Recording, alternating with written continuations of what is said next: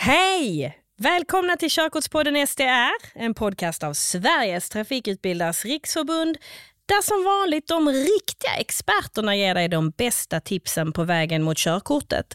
Jag heter Jenny Renslöv och med mig har jag de som kan, vet och gjort det mesta när det gäller körkortet. Nu kör vi!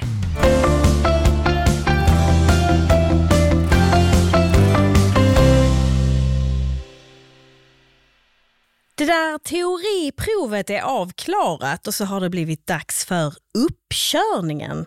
Det här sista och så viktiga momentet på vägen mot körkortet. Alla gånger av körlektioner på trafikskolan och kanske mängdträningen hemma med din handledare. Och nu är det så upp till bevis. Är du redo att ge dig ut i trafiken? Ja, vad vet jag? Med mig har jag mitt gäng. Unni Melkersson och Andreas Nyman, trafiklärare. Och sen så har jag Emelie Hallberg som nyligen har tagit sitt körkort. Välkomna! Tackar! Vad härligt, vilket gensvar. Är ni glada att vara här igen? Ja, verkligen. Ja, ja jag märker det. Ja. Vilken skön energi.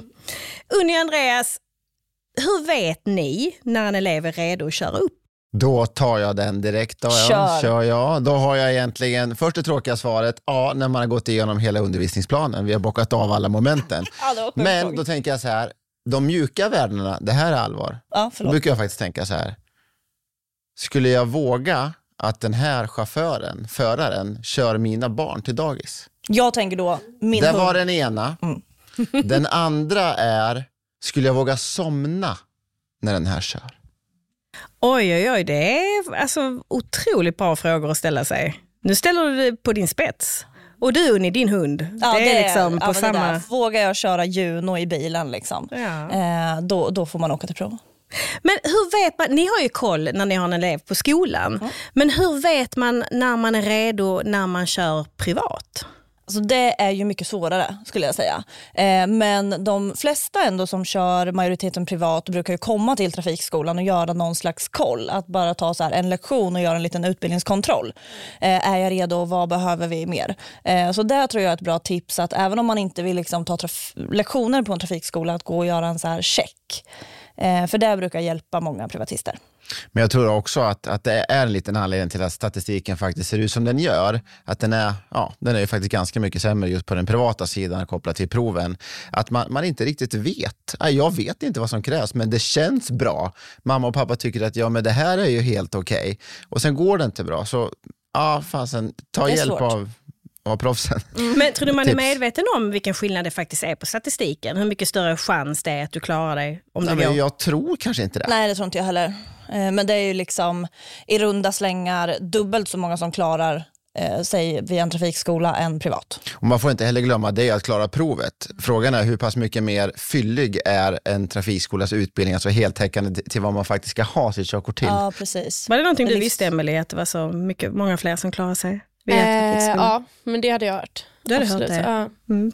Kunde det på något vis påverka liksom hur du tänkte? Mer att eh, köra med körskola eller Mm. Eh, ja, absolut. Alltså, och det kan man ju förstå också. Det väl, känns väl ganska lätt att förstå att så här, hur vet man att man är redo liksom, om man inte har haft någon som faktiskt är utbildad och, och kan säga det till en. Liksom. Nu ska vi prata själva körprovet, men jag vet också att ni gärna vill trycka på att, att det här provfokuset, som ni vet att många har, man vill klara provet. Varför är det inte alltid liksom ett, ett bra fokus, om jag får uttrycka det så? Nej, men delvis så handlar det väl om att eh, många inte blir bättre bilförare när de väl har fått sitt körkort om man bara tänker på provet. Eh, så som trafikskola så försöker man ju tänka för livet. Vad behöver du kunna och hur ska du kunna eh, reflektera över din egen körning resten av ditt liv för att fortsätta utvecklas. Alltså att lära dig att lära dig själv. Eh, till skillnad att lära dig för att lära dig till provet. Eh, det är väldigt stor skillnad. Eh, och Det blir ofta lite så ytinlärning bara för att klara ett prov istället för trafikskolan som verkligen jobbar med djupinlärning på ett annat sätt. Ja, det kanske kan hjälpa att tänka så att även om man inte bryr sig så mycket om sig själv, ja men det kanske är dina föräldrar du skjutsar. Eller ett småsyskon. Eller någonstans kommer det sitta någon i bilen som förlitar, som lägger ditt liv i sina händer. Och det, det måste man ha Ja, med. för det är liksom vårt stora jobb. Vi jobbar ju mot eh, trafiksäkerheten i Sverige. Det är liksom där vi eh, har som mål att alla ska bli trafiksäkra och vi ska öka trafiksäkerheten runt om i landet. Så att, eh, ja, det är en stor uppgift att köra bil. Emily, det var inte så länge sedan du tog ditt körkort. Nej. Minns du hur det var inför att du skulle köra upp? Absolut, det gör jag. Eh, det glömmer man aldrig, Nej, det glömmer, det glömmer man aldrig. Nej, men det var väldigt nervöst. Ehm, jag var mycket mer nervös till uppkörningen än till teoriprovet till exempel. Och då blev jag liksom, alltså det var mycket stress och mycket liksom så. Jag kom dit och så skrev man in sig och så satt man där i rummet och väntade. Och så var det mycket snack liksom innan med kompisar kring liksom så här, ja men jag kuggade det eller jag klarade det på första och så här, mycket snack kring ska man berätta vilket datum man ska köra upp, ska man inte göra det? Så att det finns folk som förväntar sig sen bara hon kan ha körkort idag liksom. Ehm, Hur valde du att göra? Berättade du? Jag, först så tänkte jag att eh, jag inte skulle berätta men jag kunde inte hålla mig. Nej. Det är en stor grej. Ja. Alltså. Ja. Ja, så det blev väl att det var några stycken som visste och då måste man ju ringa dem och berätta sen att det liksom hur hur det det gick. gick. Ja, Exakt. precis. Jag, eh, jag vill bara slänga in en fråga från en körkortstagare. Och då står det så här. Jag känner mig redo, men min skola vill att jag ska ta flera lektioner till. Det känns inte bra alls och jag känner mig nästan lite lurad. Hur ska jag göra? Där kan jag känna så här då, från, mitt perspektiv då att eh, jätte, jättetråkigt att man känner sig lurad. Då, då har den här trafikskolan någonstans misslyckats med att nå fram, eller vad man ska säga. I en drömvärld så är det faktiskt så. Om jag börjar med att jag tror ju faktiskt på trafikskolan. Många gånger så är det så att man känner någonting, ja det är fem lektioner kvar. Men det är viktigt här att kunden, alltså eleven själv känner det, att man hela tiden är medveten om sin egen progression, att man vet vart man befinner sig, så att man själv känner det. Så att trafikläraren ska ju inte behöva säga det. Behöver man säga det, då skulle jag säga att trafikskolan på något sätt har misslyckats. Mm. Men det är också svårt för att som elev vet man ju inte alltid exakt vad det är som krävs för att bli en bra bilist. Det är därför man går till en trafikskola. Eh, så man kan ju ha en olika bild av det men ja, prata med din trafiklärare så att du verkligen får förståelse för vad är det, vad är det jag har brister i. Och Sen kan det ju vara så att även fast jag som trafiklärare känner att så här, nej, den här eleven hade blivit en bättre bilist av att eh, köra de här fem lektionerna till så att jag känner mig liksom den här goa känslan i magen. Men körprovet är också ett stickprov.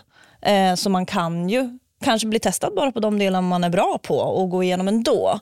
Eh, och då känna att ah, fan, trafi, trafikskolan vill att jag skulle ha fem lektioner till. Men vi, vi pratar om olika värden. Liksom. Att bara klara ett prov är inte trafikskolans mål. Man ska ju inte glömma heller att just det som uppstår då i den där frågeställningen, det är ju en trafikskolas egentligen mardröm. Så vill man ju inte att ryktet ska gå, Nej, utan snarare tvärtom. Att man vill ju faktiskt hellre som trafikskola, ja men du, det här vi pratar om med de här fem lektionerna som vi bokade in här, du behöver inte dem. Du behöver tre av dem. Du får själv välja. Alltså ett sånt egentligen rykte är ju mycket, mycket bättre långsiktigt.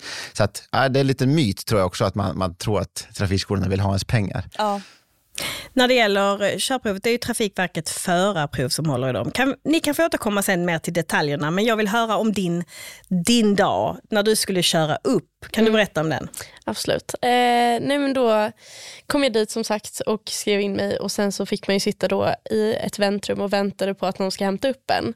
Kunde man höra en Eh, knappnål falla i Ja, det väntrummet? Ja. Det var helt knäpptyst. Och så var det så här, man var ju jättenervös, eller jag var jättenervös. Och jag försökte hela tiden sitta och liksom tänka i olika, liksom, försöka få bort alla tankar som har med så här, kommer jag kugga, kommer jag klara det, tänk så har jag körkort idag. Och då kändes det som att man liksom Ja, men det- tog ut det i förskott Bygger på något upp sätt. någonting, Exakt. liksom. Ja, Ja. Verkligen. Så, så liksom gick tankarna. Och Sen så kommer det då en förarprövare. Så då får jag upp mitt namn. Och så får man följa med dem ut i bilen. Eh, och Sen så går de igenom liksom vad körprovet kommer handla om och hur det kommer se ut och vad de kommer testa. Och så får man signera ehm, eh, då det. Och sen så åker man ut och kör. Okej, ja, men då, då satte ni er i bilen och så körde du upp. Mm. Vi kan ju faktiskt börja med att prata om hur, hur gick det för dig? Precis. Jag körde ju då upp tre gånger. Så att jag klarade på tredje försöket och eh, kuggade de två första. Tredje gången gilt. Tredje, gången gillt. Och det är ju inte helt ovanligt. Nej. Eller hur? Att, Nej, att det tar nej, några nej. gånger. Nej, Jag kuggar första. Min mamma är trafiklärare. Ja, Jag kuggade också första. Jag kugga de första två. Ja, exakt. Och där har jag en historia till, men ja.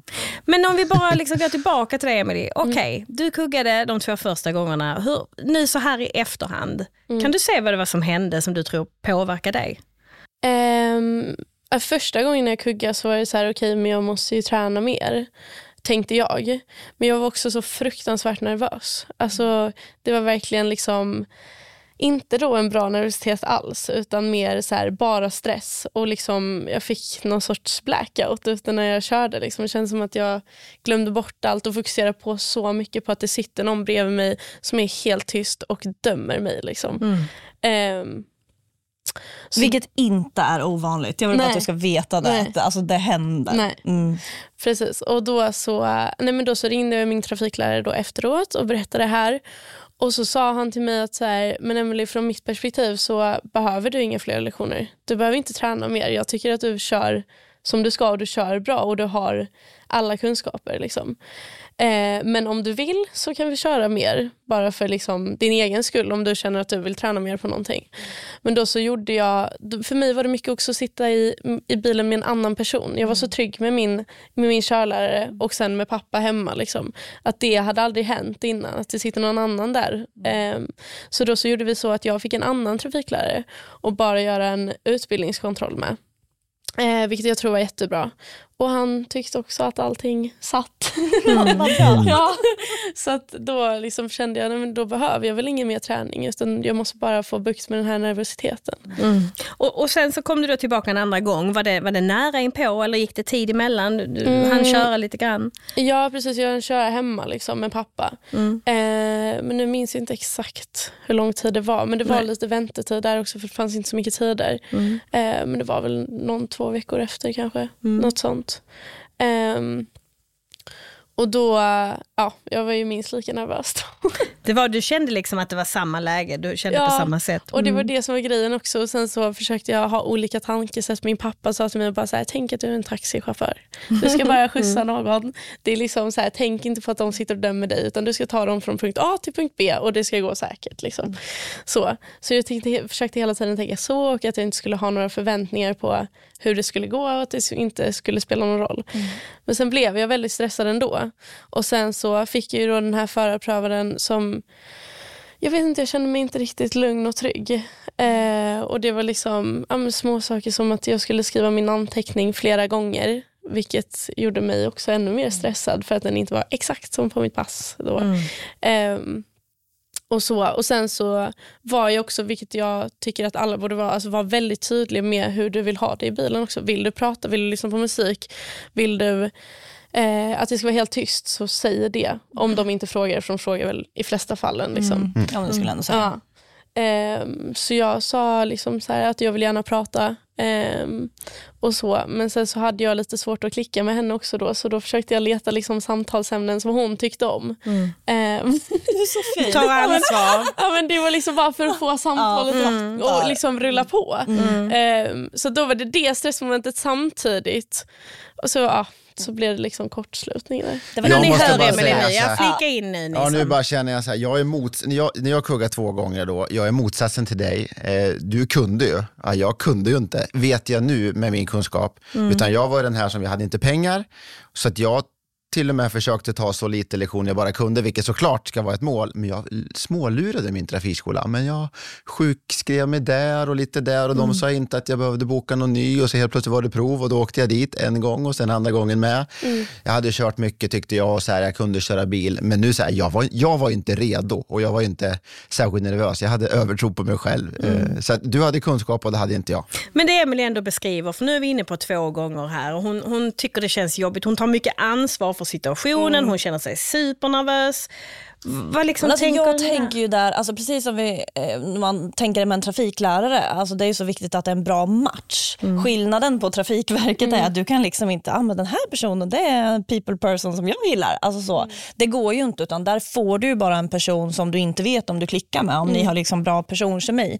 Eh, så där är det ju svårare. Mm. Eh, och man får liksom ta det lite för vad det är och att inte gräva ner sig när det inte funkar. Eh, för jag hade ju samma situation, jag klickade inte alls med den kvinnan som hade min första uppkörning. Alltså mm. Jag blev typ arg bara av hennes aura. Mm. Eh, så så mm. ibland, det bara klickar inte Nej. och då kan det bli att man påverkas mycket av det och det inte går vägen. Men kan ni liksom på något vis eh, prata med era elever om det innan? Förbereda dem någonstans på att man måste kunna hantera den här situationen med människor man kanske inte klickar med. Men det pratar vi ju, så, det är klart pratar vi om liksom mot slutet av utbildningen, men så har ju de flesta trafikskolor också i samband med, med ja, själva uppkörningen att man, man, träffas innan och det kanske är, man börjar med en te eller en kaffe och hur mår du liksom och verkligen, har du sovit gott och det här kommer gå bra och peppar och åker runt och värmer upp lite grann i bilen och där tror jag man kan bli av med, med en hel del i alla fall nervositet mm. och sådär. Ja, och många gånger får man ju välja om man vill att ens trafiklärare åker med på uppkörningen i baksätet. Man får mm. inte säga något, men för vissa är det en trygghet. För vissa blir det en person till som tittar.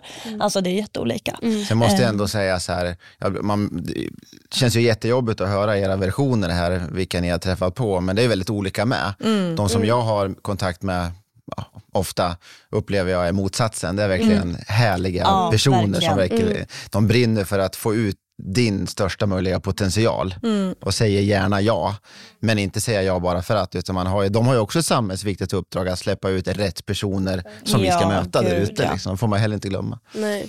Men jag vill, jag vill att vi sparar lite på den här bästa biten den mm. tredje gången. Vi pausar den och återkommer till den. Jag vill höra mer, hur går provet till utifrån ert perspektiv? Vad kan man förvänta sig? Jag ska köra upp, jag kommer dit, Ja, du kommer dit antingen själv eller med din trafiklärare och en bil från trafikskolan. Eh, och provet är ju 45 minuter totalt. Eh, det inkluderar lite försnack, eh, kolla legitimation och sådär. Eh, ställa in stol och speglar och allt sånt. Eh, och man går igenom provet, de fem områdena som provet faktiskt handlar om. Eh, det är säkerhetskontroll, manövrering, eh, trafiksäkerhet och beteende, trafikregler och miljö vänlig körning. Eller man ska säga. Eh, så det är de fem områdena de går ut från i bedömningen. Sen kör man ju någonstans mellan 25 och 35 minuter eh, och sen har man lite avslutssnack. Liksom. Och där får man ju direkt höra om man blev godkänd eller inte och feedback på varför om det inte blev godkänt eller vad som var bra om det gick bra. Om man gör någonting fel, är det alltid så att man blir underkänd då? Nej, nej, nej. Eh, alltså det? det? finns ju utrymme för misstag. Eh, men sen om man till exempel, ja, säg att du glömmer blinka en gång. Det är ju ett misstag, det är ju inte mm. i hela världen på provet. Men om du glömmer blinka fyra gånger så är det ett felbeteende. Eh, då är det inte fyra misstag på samma sak. Eh, så att misstag finns utrymme för, men felbeteenden eh, inte. Hur viktigt är det att man faktiskt markerar själv att jag förstår att jag gjorde ett misstag nu? Alltså är det bra att man säger det, nu, nu missade jag att blinka här. Om det känns bättre för dig gör det, men det kommer inte spela någon roll i bedömningen. Skulle jag vilja säga.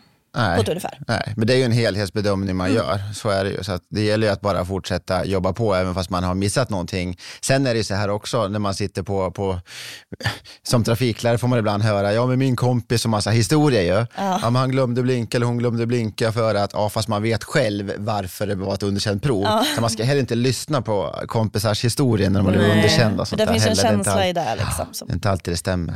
Kan vi inte bara komma tillbaka till dig nu? Jo. Jag, vill, jag kan inte vänta längre. Tredje gången gilt. Ja. Du har med dig dina två erfarenheter i bagaget. Mm. Vad händer den tredje gången? Den tredje gången kom jag också dit. Um... Var du lika nervös? Ja. Nej men jag var fortfarande nervös. Jag, jag kommer inte ihåg exakt om det var liksom lika så mm. alltså, påfrestande som gångerna innan. Men jag tror bara att det liksom, man var lite nervös när man satt i det väntrummet och sen så liksom fick man beskedet på hur trygg man kände sig när man kom till bilen och satte sig ner med förarprövaren. För de första två gångerna så kände jag så här, jag kände mig inte lugn, jag kände mig inte trygg och jag sa också det att så här, jag är jättenervös. Mm. Och då fick jag ett svar som att så här, ja men alla är nervösa. Och jag var så här, ja Jo, absolut. Ja. Och jag var så här, ja, ja, ja, det hjälper ju mig så mycket just nu. Tack snälla ja. för att du säger det. Um, men sista gången så, så försök, jag försökte ändå vara liksom så här, ha en öppen inställning. Eh, och, bara så här, och då kom ju en av dem som jag hade haft tidigare kom in och hämtade en annan elev. Och då började mitt hjärta oh. Jag bara tänkte på jag samma.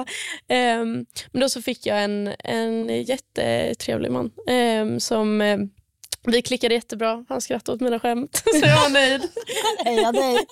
ja, nej, men och han fick mig verkligen att känna mig liksom lugn på ett annat sätt. Mm. Och då så, så hade vi kört runt och jag var så här, men gud allting känns ju bra, det har ju gått bra. Liksom. Så jag märkte jag att vi var på väg hem, jag bara, alltså, tänk om jag gör någonting fel nu. Då, då vet jag inte vad jag gör. Men det gick bra. Och så kom jag hem, och så, eller kom hem, kom tillbaka till Trafikverket. Eh, och så sa han att jag hade blivit godkänd. Vad kände du då? Då blev jag så glad. Alltså så. Det var en lättnad. Det var som att liksom en tyngd bara släppte. Men i efterhand så kan jag också tänka tillbaka och liksom känna att man liksom kanske går upp i den här känslan för mycket. Nu är det inte så för alla, men att jag blev väldigt väldigt, väldigt ledsen när jag kuggade. Och det var liksom, allting kändes så jobbigt. Men det är också för att man har jobbat för det så länge och så Ja. går det inte vägen. Men, men i efterhand så kan jag tänka att så här, det är inte så stor grej som man tror. Det är bara att göra om det och man kommer klara det till slut. Liksom. Ja men precis. Gud vad kul. Mm. Ja. Vilket fint, vilket fint avslut. ja, det är faktiskt ett fint avslut. Jag, jag har en fråga här som jag vill ta. Eh, och med, med det sagt vill vi säga, som du var inne på, det finns fantastiska förarprövare. Ja. Jajamän, många. Verkligen. Ja, alltså all, i princip alla är ju den här härliga människan som du möter som kan liksom möta dig där du är. Och det där Andreas också var inne på, alltså, lyssna inte så mycket på vad alla säger för att jag tror att man så här, trissar upp det där. verkligen. Eh, och de är ju snälla människor Ja, ja. och de vill hellre ge ett ja än ett nej. Ja, det är deras såklart. grundinställning. Och man får heller inte glömma, om det nu blir ett nej så är det väldigt lätt för hjärnan att bara blockera där då förarprövaren vill, vill egentligen ge som feedback så att man kommer tillbaka och ber- berättar för sina kompisar någonting man egentligen inte lyssnade på. Nej, och jag, alltså, att jag typ blev arg när jag mötte henne, det var ju för att jag var en viss typ av person då. Det är ju inte för att hon så var dryg mot mig. Nej, det skulle nej. hon ju Nej, aldrig vara. nej. Jag däremot kanske var. Man får inte glömma att människor, oavsett om man är förarprövare eller inte, mår bättre av att säga ja än Ja, att säga nej. Exakt. Precis. Men hörni, nu måste jag få ta min fråga. Ja, förlåt, är det förlåt, okej? förlåt. Ja, men kör. Kör! Min, jag ville bara Är det bädda din för eller den en först. tittarfråga? Det är en tittarfråga, Ja. eller en lyssnarfråga, en körkortstagarfråga. Min förarprövare var så himla otrevlig och jag blev jättenervös och klarade inte körprovet. Kan jag påverka så jag inte får samma person nästa gång? Har du någon möjlighet att påverka? Det korta svaret är nej. Nej. Eh, det kan man inte. Eh, men det är ju väldigt tråkigt om man känner att eh, det har varit en dålig situation. Eh, så det tycker jag absolut att man då kan kontakta Trafikverket och uttrycka att så här, det här upplevde jag eh, hur, med mitt mottagande att det inte var okej. liksom. Och att då handlar det om någonting mer än att man faktiskt inte klarar uppkörningen Ja, ja, ja. utan att du upplever att det har varit en, Att någonting någonting riktigt skadligt, jobbigt Ja, i, Och det är er. klart att det löser de då. Ja, precis. Det löser absolut. de då. Ja. Men eh, man kan inte veta vem man får och man kan inte välja. och det, Man får den man får. Liksom. Man får den man får.